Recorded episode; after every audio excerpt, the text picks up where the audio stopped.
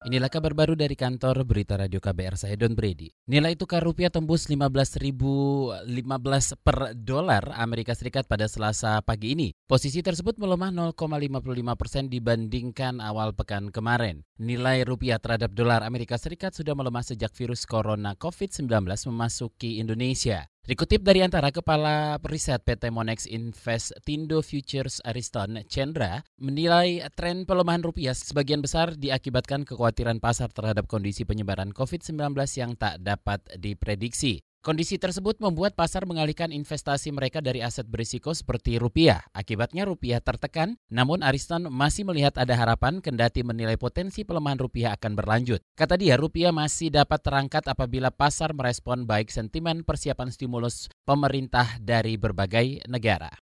Saudara Pemprov DKI Jakarta mengklaim sudah banyak perusahaan di ibu kota yang menerapkan sistem kerja dari rumah atau KDR menyusul semakin merebaknya virus corona. Kepala Dinas Tenaga Kerja di Snaker DKI Jakarta Andi Yansah tak merinci berapa banyak perusahaan yang telah menerapkan dan yang belum. Namun katanya hari ini jumlah perusahaan yang menerapkan bekerja dari rumah meningkat dari kemarin. Sudah ada, sudah ada, sudah ada. Ya dari kemarin pun sudah ada. Oh. Sekarang pun sudah pasti sangat ada karena bisa dilihat dari tingkat lalu lintas di jalan. Tadi lenggang nggak? Nah itu indikatornya itu aja gampang kan tapi nanti datanya bisa lihat di Instagram kami deh.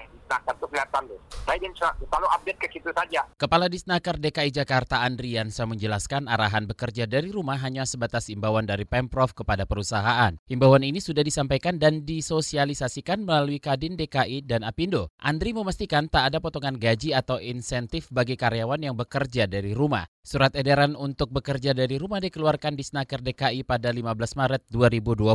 Dalam edaran itu ada pembagian mekanisme bekerja dari rumah, yakni bisa diterapkan semua karyawan dalam perusahaan atau sebagian karyawan dalam perusahaan. Mahkamah Konstitusi menunda sejumlah persidangan menyikapi penyebaran wabah COVID-19 di Indonesia. Hal ini tertuang dalam surat edaran Sekretaris Jenderal MK tentang upaya pencegahan penyebaran corona di lingkungan Mahkamah Konstitusi. Dalam surat yang dikeluarkan pada 16 Maret 2020 ini terdapat sejumlah poin penting berkaitan dengan kegiatan-kegiatan di lingkungan lembaga ini. Kegiatan sidang mulai 17 Maret hingga 30 Maret ditiadakan. Juru bicara MK Fajar Laksono mengimbau kepada para pihak yang akan menyetor perkara agar di dilakukan melalui jalur daring.